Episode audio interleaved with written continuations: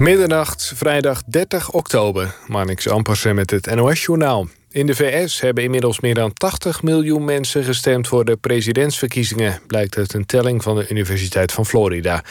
Nog nooit brachten zoveel Amerikanen al zo vroeg hun stem uit.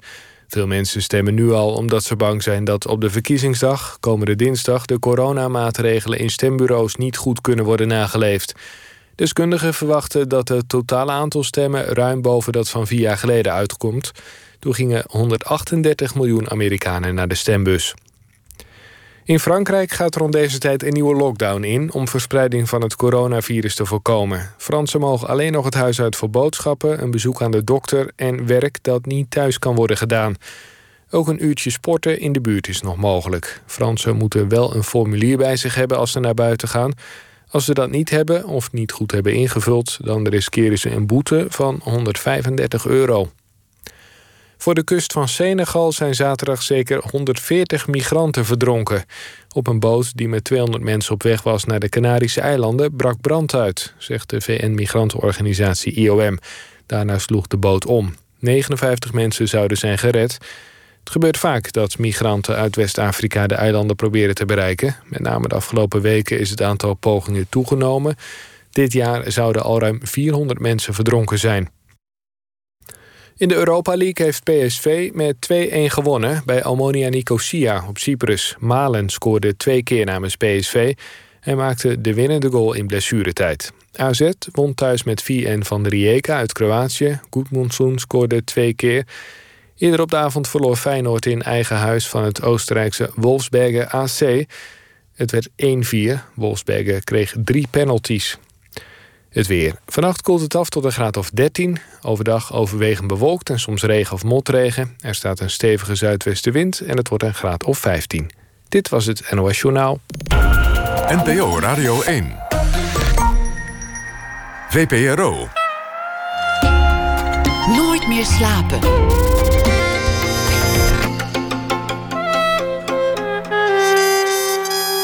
Met Pieter van der Wielen.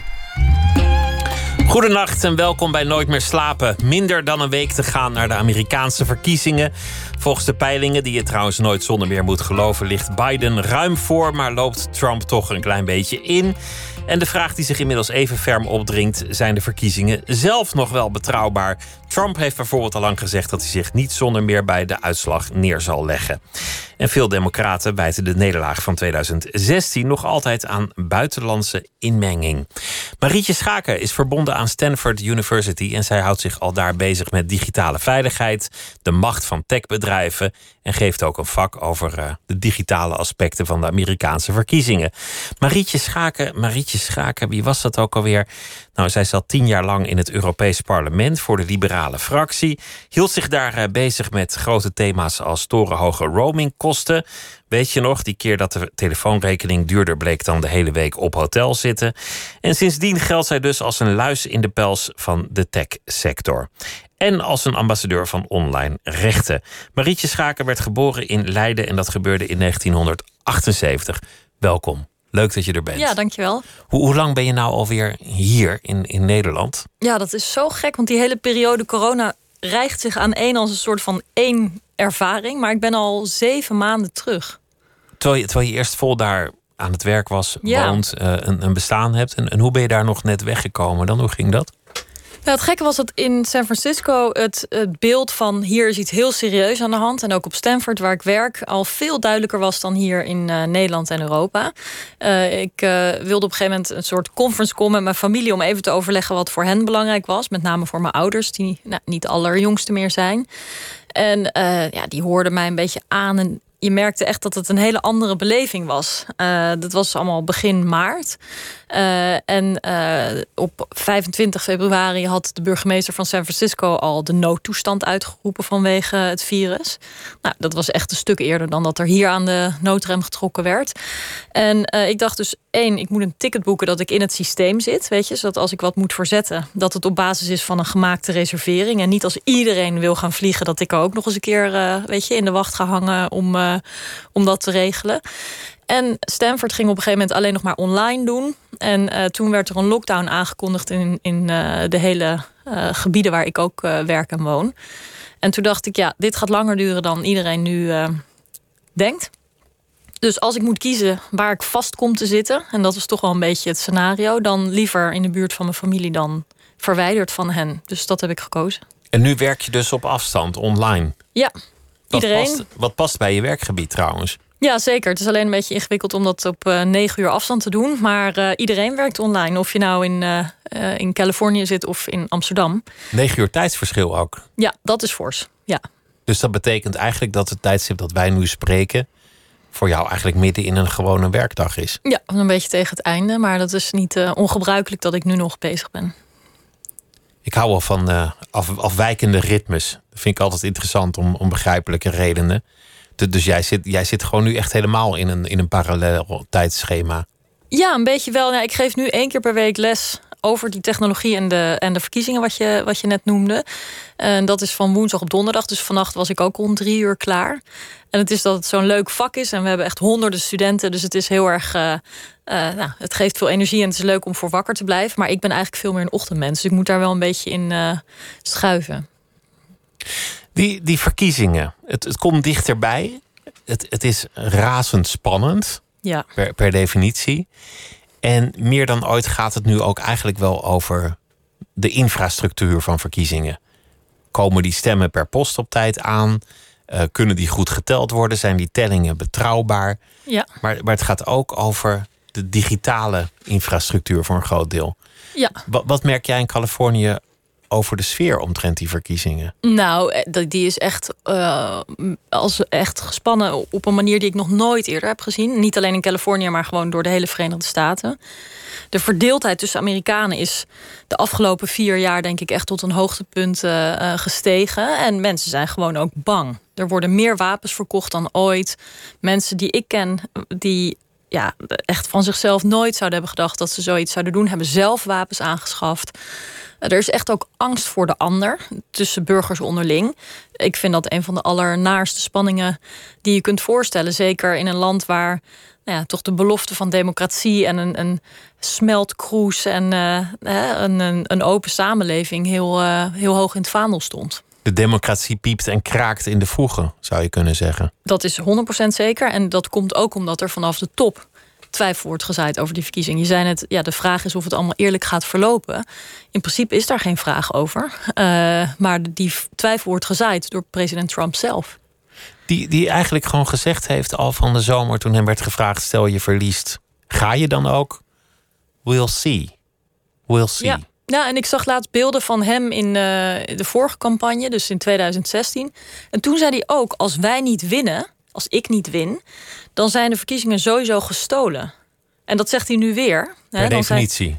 per definitie. En hij, het, het toch wel uh, grote verschil is dat hij nu president is. Dus hij heeft een enorm apparaat onder zich. En is dus ook formeel verantwoordelijk voor het goed organiseren van verkiezingen. Ik ben zelf verkiezingswaarnemer geweest in talloze landen. Als je observeert of de rechten van mensen ook in de praktijk gerespecteerd zijn. En daar zijn gaten in of er zijn wanpraktijken, dan kijk je daarvoor ten, ten, eerste naar de zittende regering. Die heeft gewoon de verantwoordelijkheid om dat proces in goede banen te leiden. Dus het is ook nog gek dat hij eigenlijk een aanklacht aan zichzelf doet. Als hij zegt de verkiezingen zullen niet goed georganiseerd zijn, is het een disqualificatie van hemzelf. Je kunt ook zeggen, het is een ontwerpfout in het systeem die, die nooit eerder aan het licht is gekomen. Wat bedoel je met die ontwerpfout? Nou, dat degene die verantwoordelijk is voor het goed verlopen van de verkiezingen, een van de partijen is. Ja, ik denk dat het onvermijdelijk is, hè? Omdat er altijd iemand de regering vertegenwoordigt. Ja, en er wordt dan natuurlijk een onafhankelijke kiesraad vaak uh, in het leven geroepen van een of andere soort of een commissie. Uh, en daar wordt dan in landen waar de democratie helemaal niet vanzelfsprekend is, vaak over gesteggeld. Vertrouwen mensen zo'n commissie? Loopt dat allemaal eerlijk? Hebben die vooringenomen voorkeuren? Is er machtsmisbruik? Maar dat dat in een land als Amerika nog kon, dat was denk ik niet goed voor te stellen. En zo zie je inderdaad dat het systeem ook niet is toegerust op een kandidaat die de uitslag niet respecteert. In het hele systeem wordt er gewoon van uitgegaan dat degene die dan de minste stemmen heeft, op een gegeven moment de ander feliciteert. En dat daarmee het proces afgerond is. Maar als iemand dat weigert te doen, dan krijg je een hele nieuwe, ongekende situatie. We, we hebben één keer eerder gezien uh, in de recente geschiedenis dat ze er niet in één keer uitkwamen. Maar het verschil was dat er toen twee mensen van buiten waren. Bush en Gore, die het niet eens konden worden over de telling in, in Florida. Toen kwam er een hertelling. Maar dat mhm. waren twee buitenstaanders die vochten om een plekje in het Witte Huis. De ja, situatie een belangrijk plekje, ja. De, de situatie dat iemand weigert te vertrekken, die heeft zich volgens mij in de moderne geschiedenis niet voorgedaan. Nee, niet dat ik weet. Nee, niet in de Verenigde Staten althans. Als, als zo'n situatie zich voordoet, wie beslist er dan uiteindelijk? Ik denk dat het naar het Hoge Rechtshof zou gaan. Uiteindelijk moet dan de hoogste rechter zich daarover ja. buigen. Ja. In, in dat geval. Er is nog een, een extra complicerende factor dit keer, namelijk corona. Er wordt, Zeker, er wordt voornamelijk gestemd via de post. En je leest nu al allerlei verhalen over hoe lang de post er ineens erover doet. Ja, het wordt trouwens niet voornamelijk via de post gestemd, maar wel veel meer dan voorheen. Uh, ook daarover uh, zaait de president twijfel. Uh, die heeft het steeds over dat dat allemaal niet te vertrouwen is. Terwijl dat in principe gewoon een solide proces is. Je mag ook per post stemmen. De kinderen van de president hebben zelf per post gestemd. Hè. Jared Kushner en Ivanka Trump hebben hun uh, stembiljet, wat per post ingediend ging worden, gewoon op sociale media gedeeld. Dus um, ja, het is een ongekende situatie. Er wordt heel veel gedaan, ook door mijn collega's op Stanford, die experts zijn op het gebied van verkiezingen, om de verwachtingen te managen. Ik denk dat dat heel belangrijk is. Dat dus Amerikaanse burgers, nadat ze gestemd hebben, en stel dat het tellen wat langer duurt, of dat de rijen langer zijn, omdat er afstand gehouden moet worden als mensen wel persoonlijk gaan stemmen, en extra maatregelen zoals hygiëne uh, enzovoort. Dat, dat mensen niet denken dat die vertraging iets kwaads betekent, maar dat dat dus gegeven de pandemie uh, en, en de extra maatregelen gewoon kan, zonder dat daar iets ja, verontrustends uitspreekt. En dat verwachtingsmanagement is nu heel erg op gang aan het komen. Uh, de vraag is hoe media daarmee omgaan, denk ik. En ook dus hoe kandidaten daarmee omgaan. Kijk, als, als jij zoals altijd, hè, met, met hon, ik denk ja, tientallen miljoenen, misschien wel meer, naar live televisie te kijken. En je verwacht dat er dus op een gegeven moment voldoende stemmen geteld zijn, waardoor er een definitieve uitslag kan komen. En dat gebeurt niet. En media en kandidaten gaan, gaan daar op in door te zeggen... nou, dat betekent dus dat er uh, gesjoemeld is of fraude is gepleegd. Dat is een hele andere reactie dan dat kandidaten en media zeggen... we kunnen u uitleggen hoe dit komt, want omdat er meer per post is gestemd... Hè, mag de post soms pas geopend worden op verkiezingsdag zelf in Staten. Dat is ook iets, vind ik, enigszins merk merkwaardigs... maar dat staat ook in de regels. Dus dan kan er nog heel veel geteld moeten worden. Nou, zo hebben we inderdaad te maken met een ongekende situatie. En hopelijk hopelijk, maar ik hou me hard vast, uh, wordt daar verantwoordelijk mee omgesprongen. Waarschijnlijk dus niet, want, want er wordt nu al twijfel gezaaid. Dus ga er maar vanuit dat dat door zal gaan. We zitten dinsdagnacht voor de televisie, waarschijnlijk wachtend op een uitslag die dan niet meteen gaat komen. Dat kunnen we inderdaad verwachten, maar we weten nog niet precies. Kijk, stel dat het verschil wel heel groot is tussen beide kandidaten, dan wordt het natuurlijk moeilijker uh, voor de een of de ander om te claimen dat het too close to call is. Weet je, dat er hertellingen moeten komen of dat er gerommeld is. Als het echt een, een heel groot verschil is, dan, ja, dan denk ik dat het toch moeilijker is om draagvlak te vinden voor dat soort aantijgingen. Maar goed, ik acht de president tot alles in staat. We hebben hem gewoon echt hele merkwaardige dingen zien doen. En ja, daar zijn mensen het meest bang voor. En dat hij dan ook groepen mensen zal activeren om de straat op te gaan voor hem. Kijk, hij, hij bouwt met zijn campagne aan, aan een beweging die hij een army, een leger noemt. Het zijn ook ongekende teksten voor steungroepen in een land waar meer dan ooit milities uh, de kop opsteken. Mensen die tot op de tand bewapend zijn met oorlogswapens. Die parades houden door steden heen. Die trainen eh, in de bossen voor nou, wat zij denken dat een soort gewapende strijd gaat worden. Ja, als je maar lang genoeg voorbereidt op een gewapende strijd, ja, dan kan het zomaar dat die ook uh, met, met gretigheid ontketend wordt. Dus ik vind het, ik vind het akelig hoe dit allemaal escaleert. Echt angstaanjagend, vind je? Ja, is het echt. Laten we teruggaan naar de verkiezing van, van vier jaar geleden. Want toen werd er alsmaar gehamerd op buitenlandse inmenging. Dat, dat Trump zou zijn geholpen door hackers, vermoedelijk vanuit Rusland. Er is ook nog een onderzoek naar gedaan. Toen, toen speelde eigenlijk de nieuwe technologie al best wel een grote rol in de, in de uitkomst. Uh, het is niet aangetoond dat die uitkomst bepalend is uh, veranderd door buitenlandse inmenging, maar dat er buitenlandse inmenging was, is 100% zeker. Het is geprobeerd. Dat is wat je met Ja. zekerheid kan stellen. Ja, dat is zeker zo. En ook dat er desinformatie verspreid is. En dat er hacks natuurlijk zijn geweest van de Democratische Nationale Conventie. En dat die eh, ja, druppelend gelekt zijn. Hè? De e-mails van Hillary Clinton, de kandidaat. Dat daar een onderzoek naar gestart is. Dat is natuurlijk allemaal eh, ja, heel opmerkelijk geweest. En er zitten allerlei componenten, hacken, desinformatie... eh, die met technologie te maken hebben bij. Dus er zijn ook veel lessen geleerd door 2016. En de vraag is denk ik, ja, tellen die lessen op tot een goede voorbereiding voor dit jaar? Of gaan we over een paar maanden weer met handen in het haar zeggen: God, nou, dat hadden we toch niet zien aankomen. En daar is ook een soort spel op de wagen gebracht. Hè. Je ziet nu dat dat geprobeerd wordt met dat New York Post-artikel over eh, de zoon van Joe Biden. Dat er de heet het. Ja, dan zeggen ze, ja, we, we hebben een laptop gevonden bij een reparatiewinkel. En daar zijn schandalige eh, documenten op gevonden. Ja, het slaat nog niet echt aan. Maar zo'n soort verhaal kan natuurlijk opeens een vlam in de pan eh, creëren. Het kan ineens tot, tot eh, fake news leiden eigenlijk. Ja, tot, tot een verandering in de publi- publieke opinie voordat is bewezen dat het inderdaad niet op feiten gestoeld was. Ik, ik las net op weg hier naartoe dat, ehm, dat een, een soort nep consultancy is gecreëerd, een nep privaat inlichtingenbedrijf om dat hele verhaal met die laptop van de zoon van Joe Biden eh, ja, eigenlijk eh, te verkopen. Dus het gaat ook veel verder dan alleen technologische trucjes, zoals bijvoorbeeld bots, waardoor je, weet ik veel, kan doen alsof je 3000 mensen bent vanaf, vanaf één computer.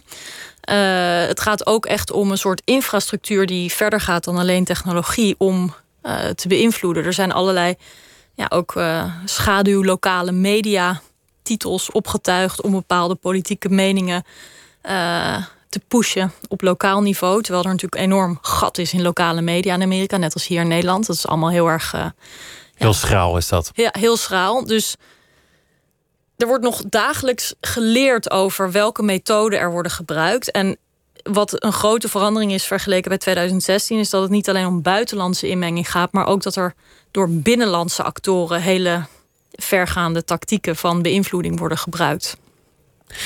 Van buitenlandse inmenging in verkiezingen, dat is, dat, is, dat is eigenlijk iets heel ouds. De CIA die heeft al geprobeerd om de Italiaanse verkiezingen na de Tweede Wereldoorlog ten nadele van de communistische partij te beïnvloeden.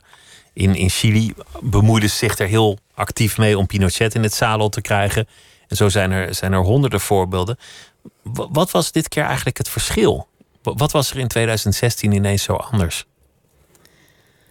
Ehm, ja, wat, ja, Waarom, waarom is er nu een, een nieuwe werkelijkheid waar, waar iedereen het over heeft?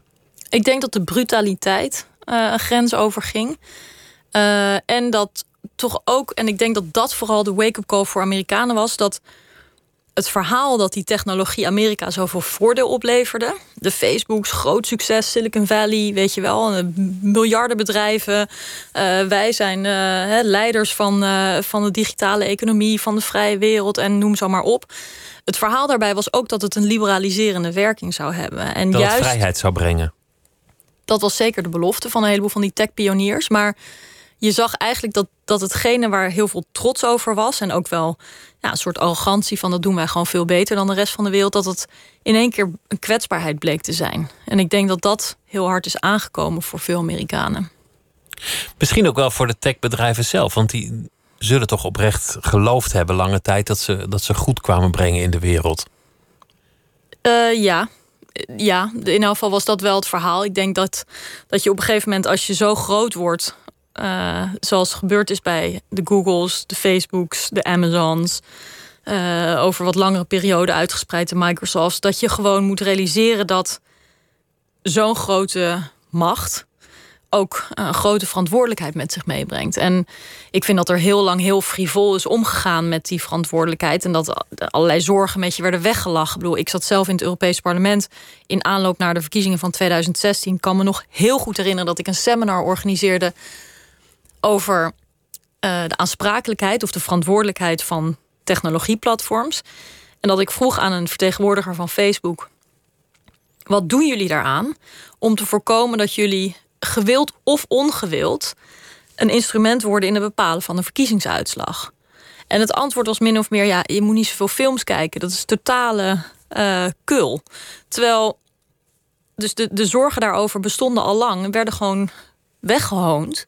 Zeker als ze uit Europa komen, werden vaak een beetje als emotioneel weggezet. Hè? En dat Europeanen een soort hysterische waarde hechten aan privacy en zo. Dus ik denk dat er heel veel lessen geleerd hadden kunnen worden. Zeker uit andere plaatsen in de wereld. Waar nepnieuws, propaganda, um, haatzaaien, verkiezingsgeweld veelvuldig is voorgekomen. Met een grote rol voor sociale mediabedrijven. Maar doordat er heel erg vanuit een Amerikaans perspectief is gekeken. En vanuit een Amerikaanse overtuiging dat die technologie vooral veel goeds bracht. Omdat de intenties toch zo goed waren. Ja, dat is natuurlijk ook op een gegeven moment echt naïef. Als je zo groot bent en niet je eigen macht ook eens tegen het licht houdt voor risico. En dan niet alleen voor kansen en meer verdienen. Zie je dat dat nu veranderd is? Ehm, ja, er is wel veel veranderd. Uh, ik denk dat, dat de wal het schip heeft gekeerd in de zin dat de Mark Zuckerbergs van deze wereld, maar eigenlijk uh, voor lange tijd de leiders van de grote techbedrijven allemaal, die, die waren heel erg huiverig om die verantwoordelijkheid voor wat er allemaal aan informatie over hun platform gedeeld werd, om die verantwoordelijkheid te nemen. Schoven ze steeds van zich weg. Uh, we hoorden de hele tijd het, soort mantra van... ja, we willen geen scheidsrechters van de waarheid worden. Dat was dan de gevleugelde tekst die ook een Mark Zuckerberg heel vaak uh, gebruikte.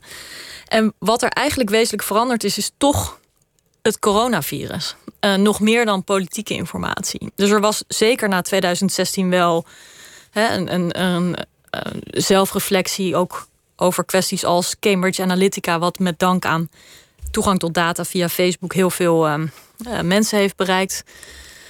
Maar ook door COVID, omdat ineens, denk ik, um, de realisatie kwam als mensen nou ook allerlei desinformatie krijgen over uh, de werking van bepaalde middelen, uh, bepaalde medicijnen, dan gaat het opeens doden opleveren. En dat ze toch daar huiverig voor waren. En dat, dat er toen een soort luik is opengegaan, omdat de bedrijven konden zeggen: ja dit gaat om gezondheid, dit gaat niet om politiek. Dus meningsuiting is een aspect, maar het gaat ook gewoon over mensenlevens. Dus hier kunnen we wel degelijk gevaarlijke informatie of onbewezen, laten we zeggen, een kruidenthee die wordt verkocht als uh, het medicijn tegen COVID, gewoon overduidelijk onbewezen.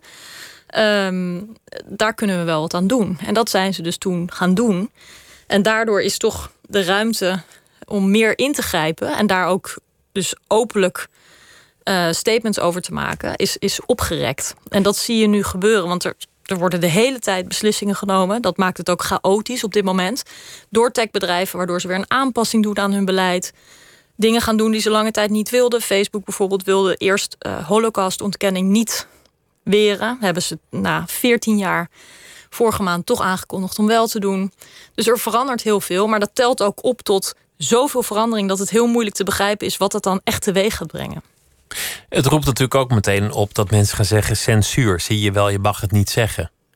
Ja, dat is zeker zo, maar die macht hebben die techbedrijven al lang. Dus je ziet soms gevallen in Nederland waardoor het ineens heel duidelijk wordt wat die macht is. Dus bijvoorbeeld hè, uh, wel of niet uh, Zwarte Piet uh, delen en, en toestaan. als berichten daarover geplaatst worden of. Um, uh, het Lange Frans laatst was ook zo'n in het oog springend geval dat YouTube zijn account had weggehaald vanwege allerlei samenzweringen. Um, die macht hebben die bedrijven al lang. Alleen het is gewoon heel vaak onduidelijk hoe die macht eruit ziet. Vaak wenden ze die macht aan om hun eigen commerciële voordeel te vergroten.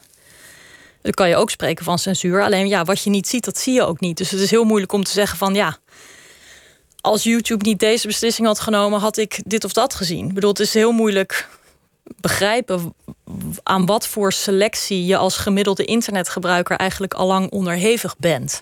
Wat er allemaal gebeurd is voordat jij dat onder ogen krijgt, dat, dat berichtje. Precies, en dat is dus heel veel. En um, dat ze nu proactief samenzweringen uh, tegengaan of uh, misleidende informatie over corona of uh, bijvoorbeeld geweldsoproepen of uh, ook uh, overduidelijk onjuiste claims over het verkiezingsproces. Dus bijvoorbeeld als iemand zegt: kom stemmen op 28 oktober. Nou, dat is aantoonbaar onjuist. Dan gaan ze dat weren, althans een aantal platforms. Nou, zo zie je dus dat het nemen van die verantwoordelijkheid door allerlei initiatieven wel op gang komt. Maar wat mijn bezwaar is, is dat je dan dus eigenlijk nog meer uh, bestuurlijke invloed aan die bedrijven overlaat. In plaats van dat je zegt dat moet democratisch bepaald worden en ook onafhankelijk getoetst en uh, met, met het juiste toezicht omkleed worden. In wezen zijn die techbedrijven zo groot en zo succesvol geworden en min of meer monopolisten in, in wat zij doen, dat ze, dat ze een soort infrastructuur leveren. Ja. Iets waar iedereen op zit. Iedereen zit op Facebook of, of iedereen zit op Zoom of op, nou ja, noem, noem maar iets op. En dat brengt enorme macht met zich mee, met, met heel weinig regels en ontzettend weinig controle. Ja, en dat zie je ook heel duidelijk aan een bedrijf als Amazon. Uh, wat natuurlijk een enorm platform is, maar wat ook digitale dienstverlening uh, biedt. Wat omdat ze zo goed zicht hebben op wat mensen kopen, bijvoorbeeld. Gewoon, wat is er nou populair? Zijn het chips of gieters of uh, veel planten of juist make-up? Dat zien ze allemaal, want ze zien gewoon wat er besteld wordt.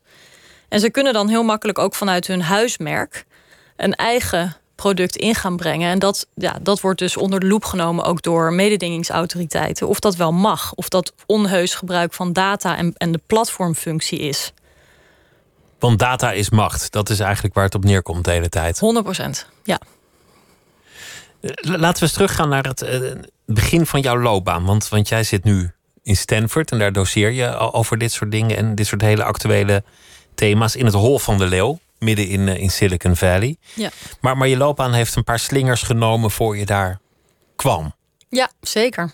Um, ik heb ergens gelezen dat je, dat je als, als meisje een beetje verlegen was, maar wel een hele harde, serieuze werker. Waar, waar sta je? heel erg verlegen zelfs. Heel erg verlegen. Extreem verlegen, ja. En ineens is daar iets veranderd. En, en, en werd je heel bevlogen en geëngageerd. Wat is, wat is er gebeurd? Waar, waar kwam dat vandaan? Ja, ik zit even te denken of het elkaar tegenspreekt om verlegen en bevlogen te zijn. Ik denk dat het allebei wel kan. Um, maar dat je dan op een gegeven moment je eigen weg moet zoeken van hoe je dat doet. Um, ik heb een paar ervaringen die me denk ik ja, wat meer um, op mijn plek hebben gebracht om met mensen samen um, te werken aan dingen als rechtvaardigheid en uh, het, het, uitkijken voor de rechten en de positie van minderheden. Dat waren thema's waar ik altijd wel veel mee bezig was. Uh, ik heb een keer een studieprogramma gedaan toen ik, uh, toen ik student was, wat ging over mensenrechten en het idee van je verzetten tegen onrecht in de huidige tijd. Was heel erg geïnspireerd door de Holocaust en wat er toen niet goed is gegaan. En hoe het heeft gekund dat er uh, zo'n uh, afschuwelijke uh, massamoord op, op Joden en, ja, en andere minderheden heeft plaatsgevonden. Um, en dat programma heeft mij denk ik heel veel ja, bijgebracht over dat je nu ook in de huidige tijd, als je iets ziet wat je niet uh, acceptabel vindt, kunt kijken of je daar iets aan kan doen, daarover kan praten met mensen. En um, ik organiseerde ook best vaak al dingen toen ik jonger was. Als ik iets zag dat ik dacht dat moet anders, dan ging ik dat zelf proberen te doen. En zo ja, rol je denk ik uiteindelijk toch naar uh, het, het politieke, althans als met mij gebeurt. Um, om ook dat als een manier om verandering te brengen te zien. En zo heb ik de politiek ook altijd beschouwd. Verlegenheid en politiek lijken twee tegengestelde dingen. Het lijkt alsof die twee elkaar bijten. Of elkaar niet helpen in ieder geval. Um, dat kan. Ik denk ook niet dat ik, dat ik echt een raspoliticus ben. Dus ja, ik denk dat er veel negativiteit kleeft aan het begrip politicus. Ik vind dat niet terecht.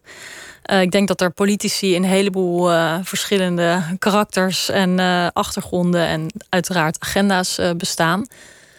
Maar dat je wel, je moet een enorme drive hebben en ook veel geduld hebben eigenlijk om lang te werken om dingen te verbeteren. Tenminste, dat is denk ik de motivatie van de meeste. Niet denken dat je binnenkomt en het meteen even kan aanpakken.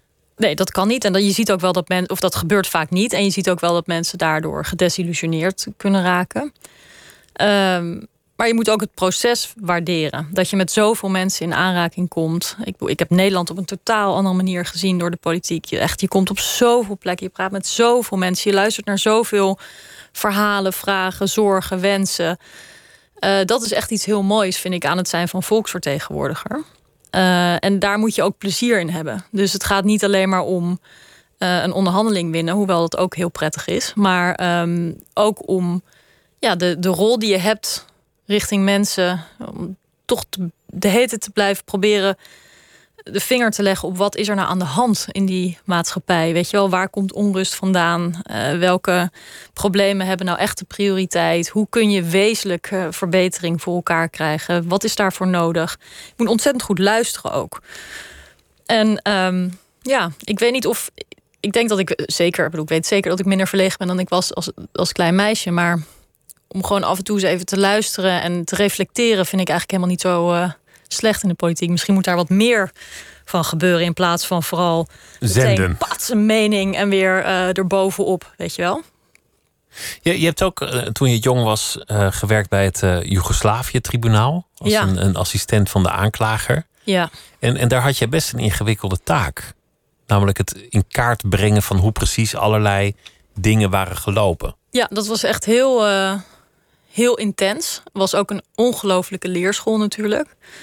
Omdat je dan echt nou, met je neus op de feiten wordt gedrukt uh, over wat een gruwelijkheid oorlog met zich meebrengt. Hoe dichtbij Nederland, Joegoslavië ligt. Wat daar aan afgrijzelijke uh, misdaden zijn gepleegd door burgers onderling.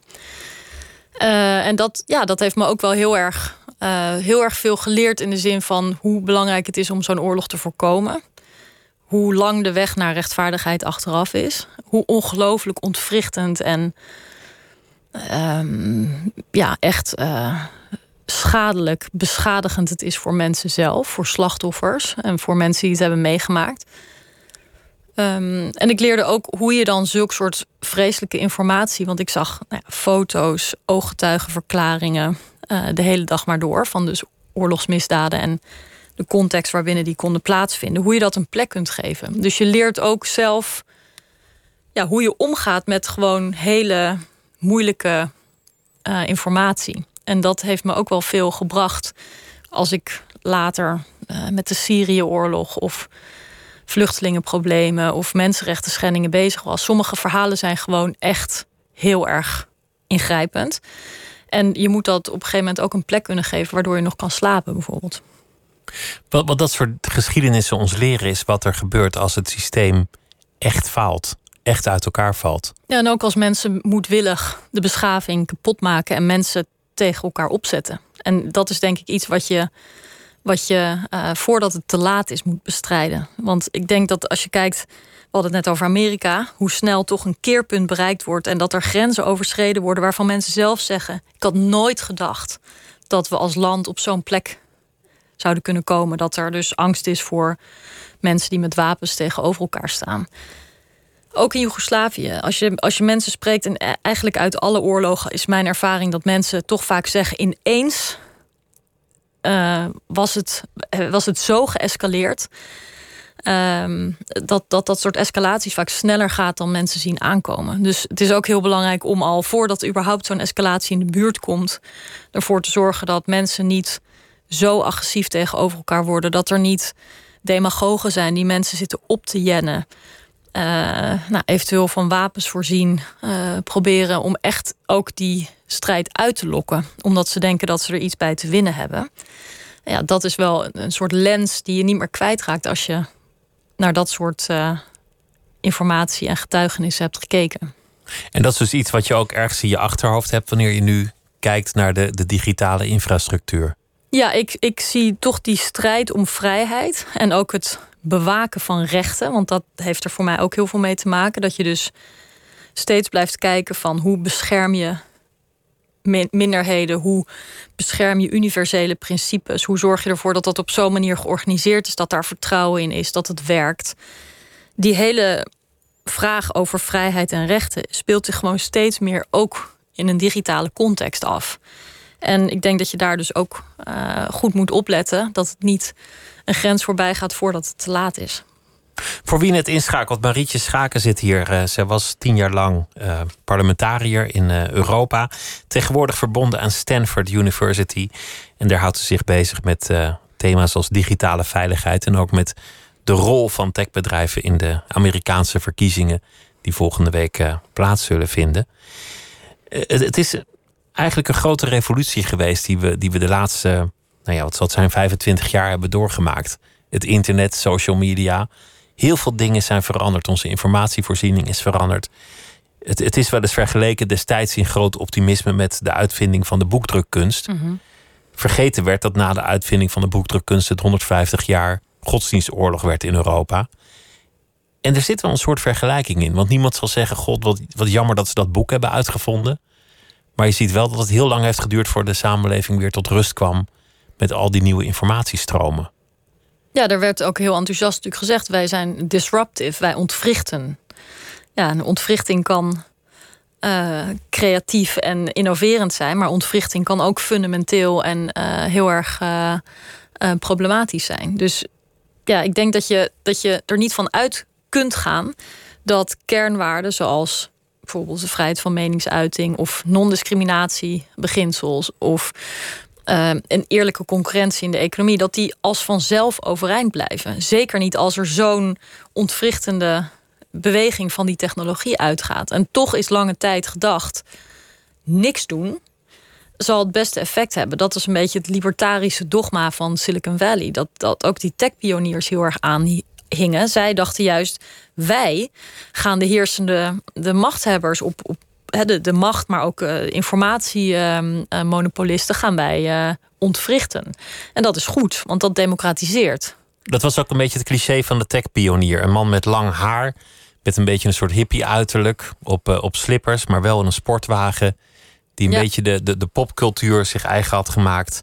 Een soort semi-anarchistisch inslag had, maar tegelijk ook niet vies van geld was. Nou, ik denk dat het eigenlijk heel creatief begon vaak. Maar dat het geld een steeds grotere rol is gaan spelen. En dat zie je nu ook doordat die durfkapitalisten daar allemaal heel veel geld in pompen in die bedrijven. En ze zitten alleen maar te scouten naar wat het volgende mega succes, zoals een Uber of een Facebook of een Google zal worden. En dus de drijvende kracht is helemaal niet zozeer innovatie of, of het probleem wat wordt opgelost, maar veel meer wat kun je in de markt kapitaliseren. En dat vind ik eigenlijk ook wel ja, een van de eye-openers die ik heb, ja, heb meegekregen door zelf naar Silicon Valley te gaan, is gewoon in hoe, hoe grote mate dit gewoon om, om geld draait en helemaal niet om uh, wezenlijke.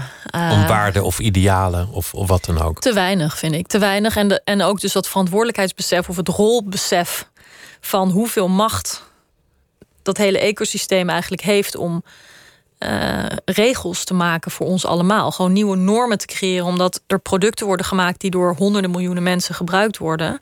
Of zelfs als het door 10 miljoen mensen gebruikt wordt. Als je iets uitvindt, eh, noem eens een, een gezichtsherkenningstechnologie. En die wordt in de markt gezet. Ja, dan is hier opeens. Um, dan gaan mensen het gebruiken om hun telefoon uh, te beveiligen. Dan worden er camera's opgehangen op straat om het veiliger te maken. Maar dan is de facto je privacy wel in één keer echt aangetast.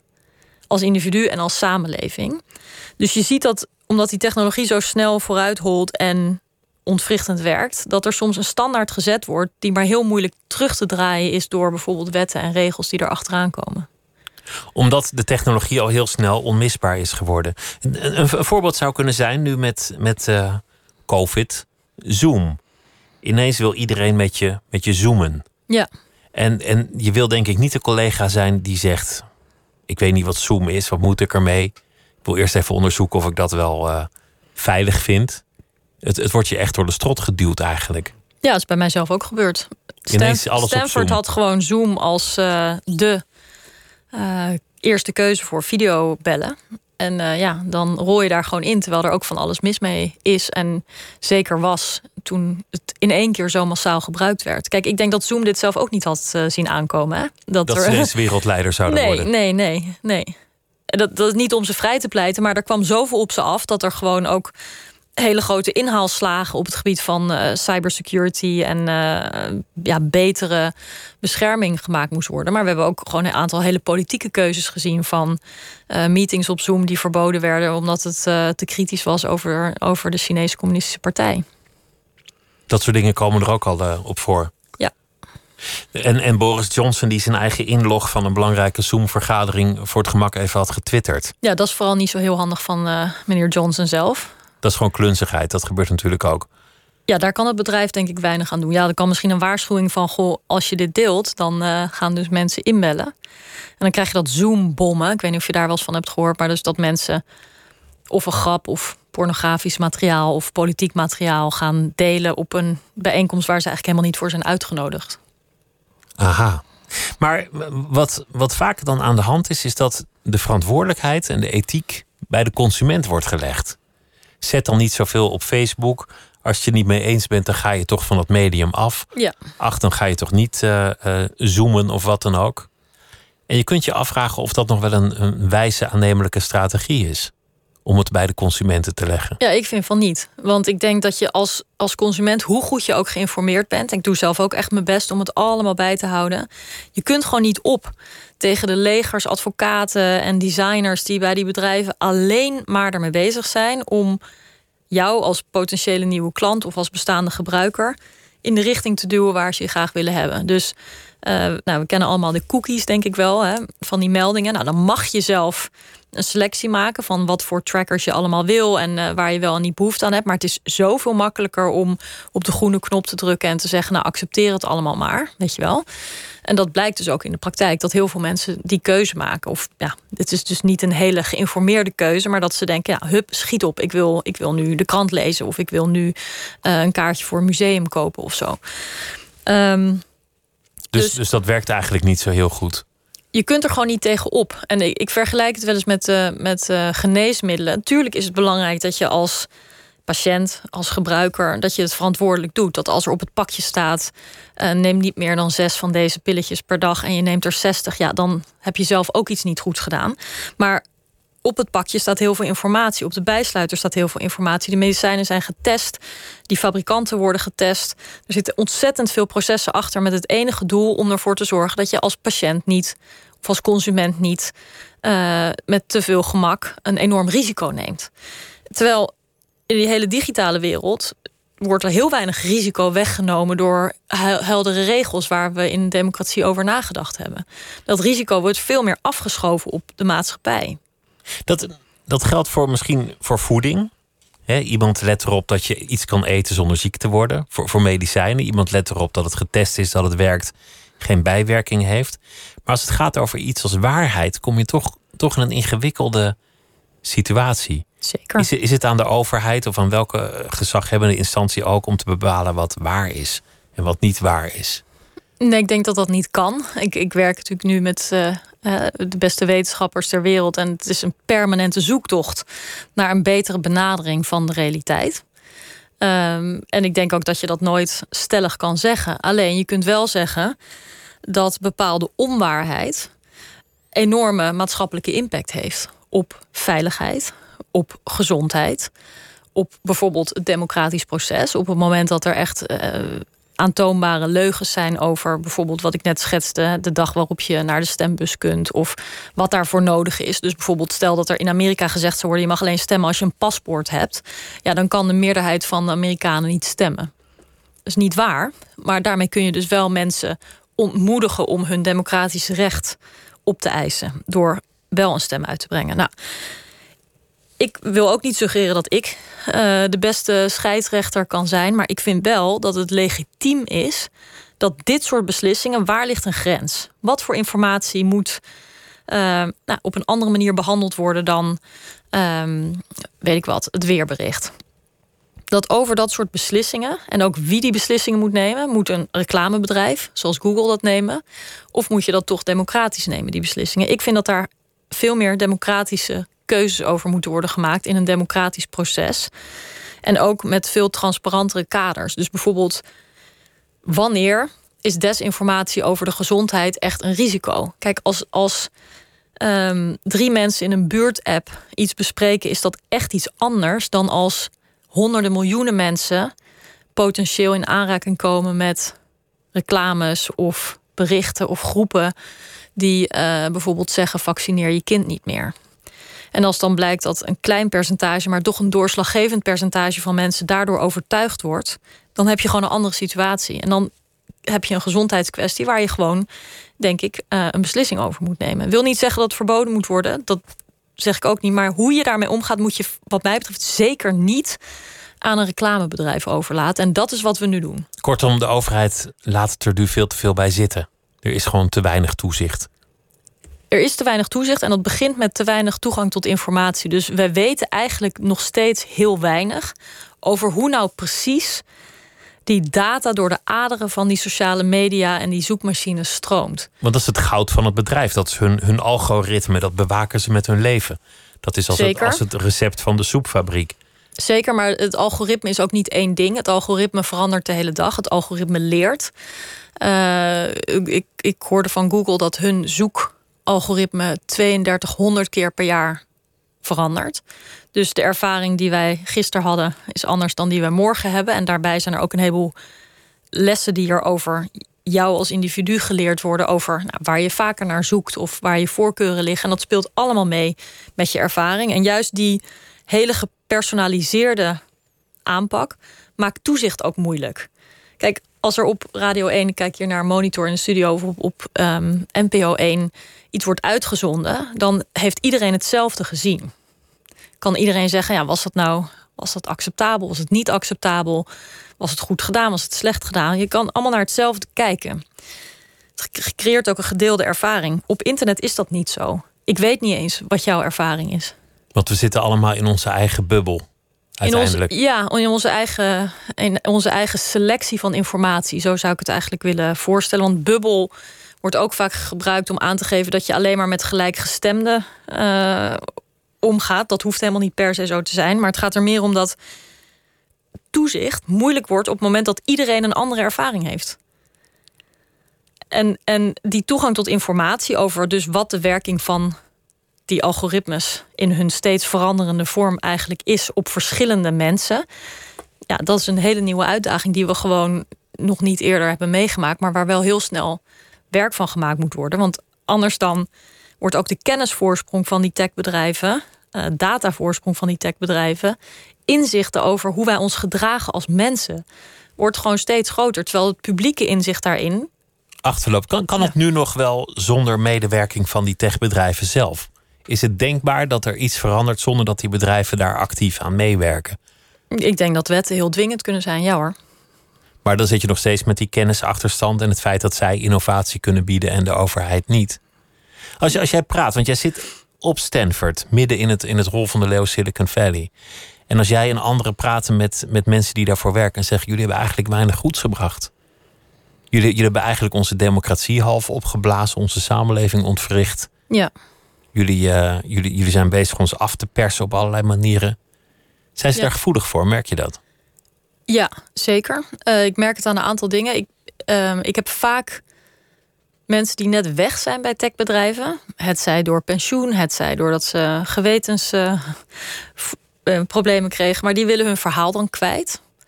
en dan hoor je wel van ja, het begon klein en het ging over innovatie. En ineens uh, weet je wel, moesten wij beslissen over um, informatie in uh, Myanmar en of dat wel of niet online mocht blijven. En ja, we hadden daar eigenlijk maar twee mensen zitten en dat kon eigenlijk niet. Um, dus zeker spreek ik veel mensen die daar gedachten over hebben. Je ziet ook dat heel veel uh, mensen die ervoor kiezen om binnen die bedrijven te blijven, heel erg denken dat ze zelf het verschil kunnen maken.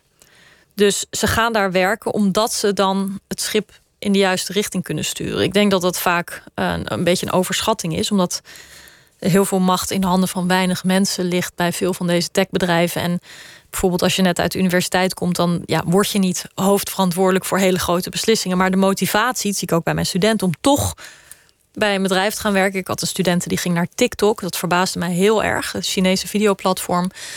Um, ja, ik, ik zag dat niet aankomen. En, en ja, zij was heel erg gemotiveerd om, uh, om het verschil te maken. En ik denk dus dat heel veel mensen binnen die bedrijven goede intenties hebben. Want bijna niemand denkt van zichzelf: nee, ik, ik, deed het even met kwade bedoelingen. Weet je wel, heel veel mensen zijn denk ik echt gemotiveerd door hun eigen goede bedoelingen. Alleen dat is gewoon niet genoeg.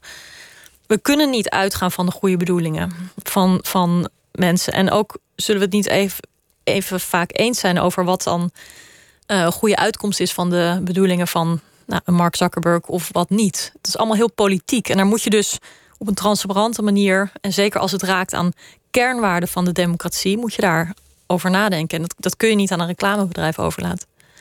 We, we, willen aan de ene kant de innovatie van die bedrijven. We willen dat het heel snel gaat. We zijn, we zijn blij als iets nieuws, een toepassing er komt die we allemaal kunnen gebruiken. Maar tegelijk krabben we ons steeds vast achteraf achter de oren van wat is nou eigenlijk gebeurd.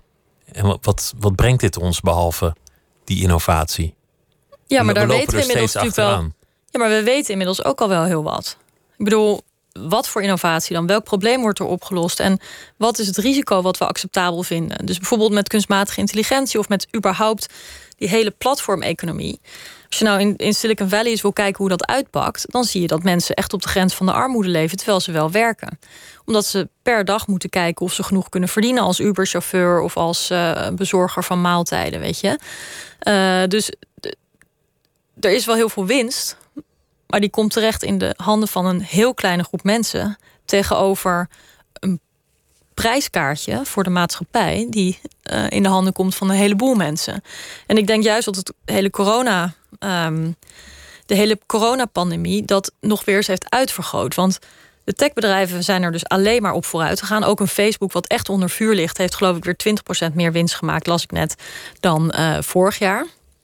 Dus alle, weet je, er zijn reclame boycotts geweest. Er zijn allemaal mensen die hebben gezegd: ik, ik uh, verwijder mijn account en toch groeit het bedrijf nog.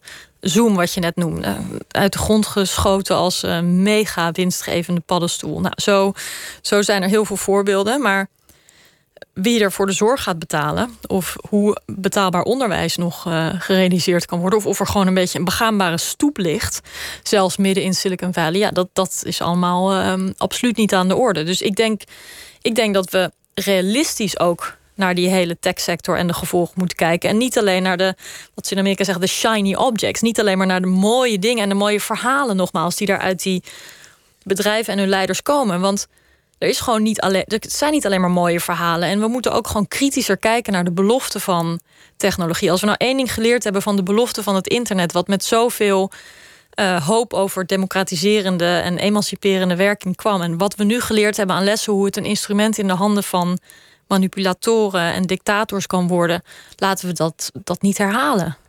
Daar, daar zeg je eigenlijk terloops iets anders. Namelijk dat die Amerikaanse droom al lang stuk is voor heel veel mensen. Absoluut, ja. En dat zijn de verhalen die je toch ook steeds vaker leest van mensen die met drie banen net niet rondkomen. Ja, en ik, ik zie dat ook elke dag uh, om me heen in Silicon Valley. En dat is echt heel confronterend. Ik bedoel, in dezelfde straat waar huizen staan van, nou, makkelijk 30 miljoen dollar, ik zeg maar wat. Twee Tesla's op de oprijlaan. Schuifelen mensen op hotelslippers voorbij met een kopje water wat ze gratis hebben gekregen bij uh, de Starbucks, maar die zijn dakloos.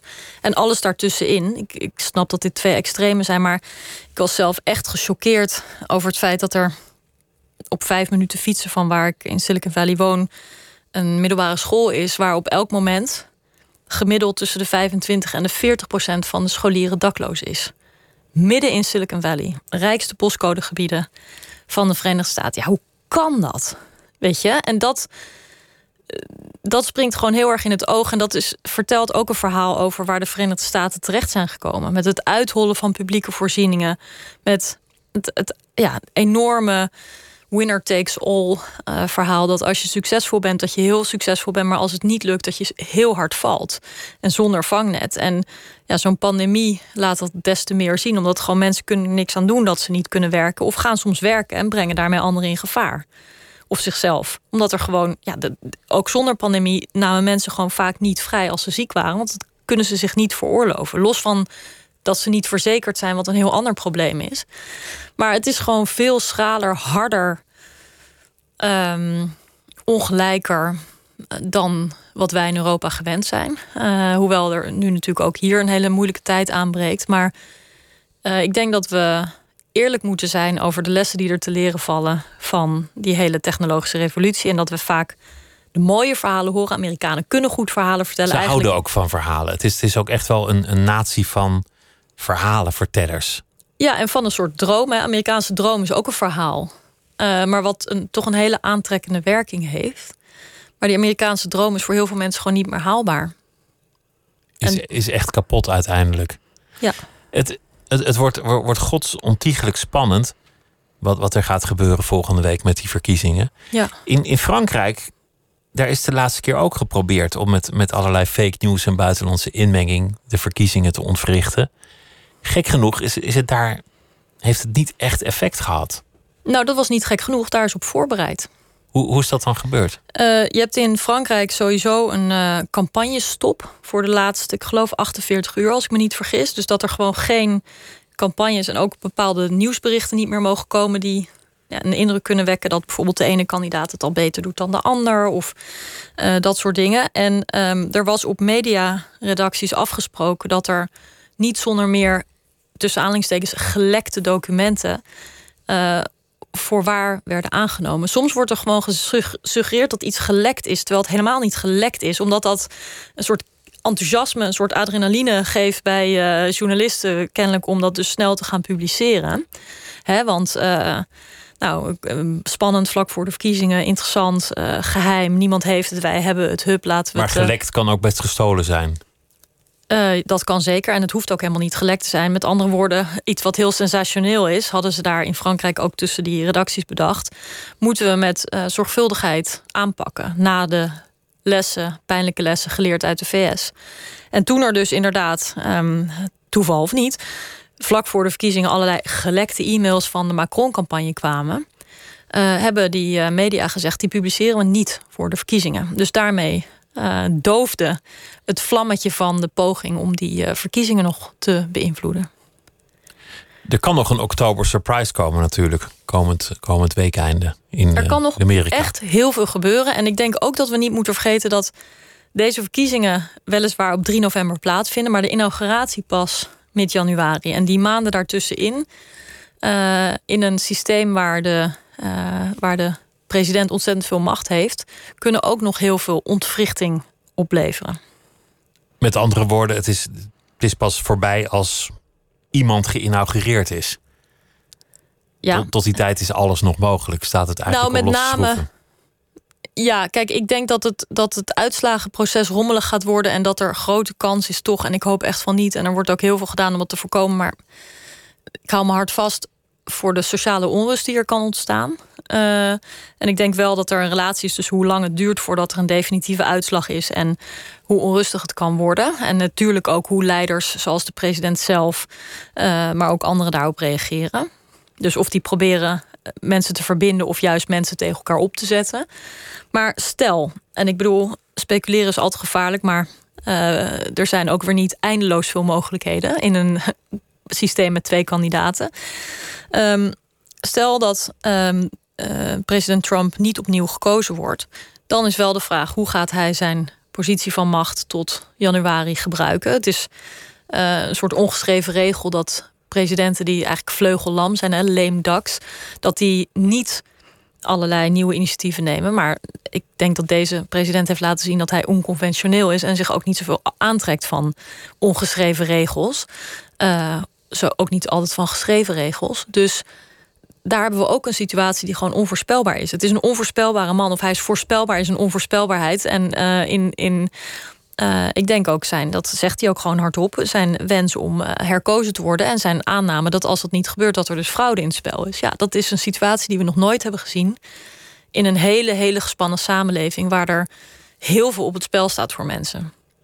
Waar, waar ben je zelf uh, dinsdagnacht?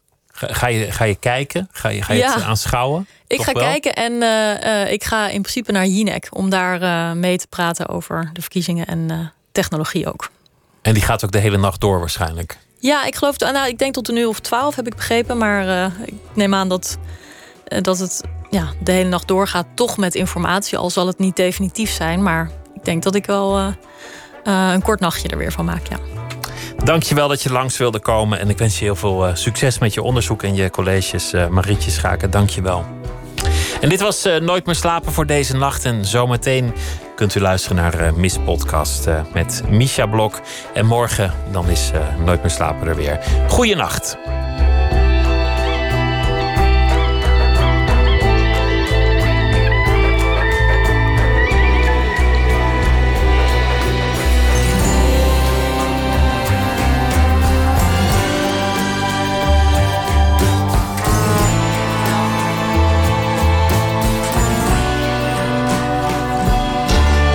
Radio 1. Het nieuws van alle kanten.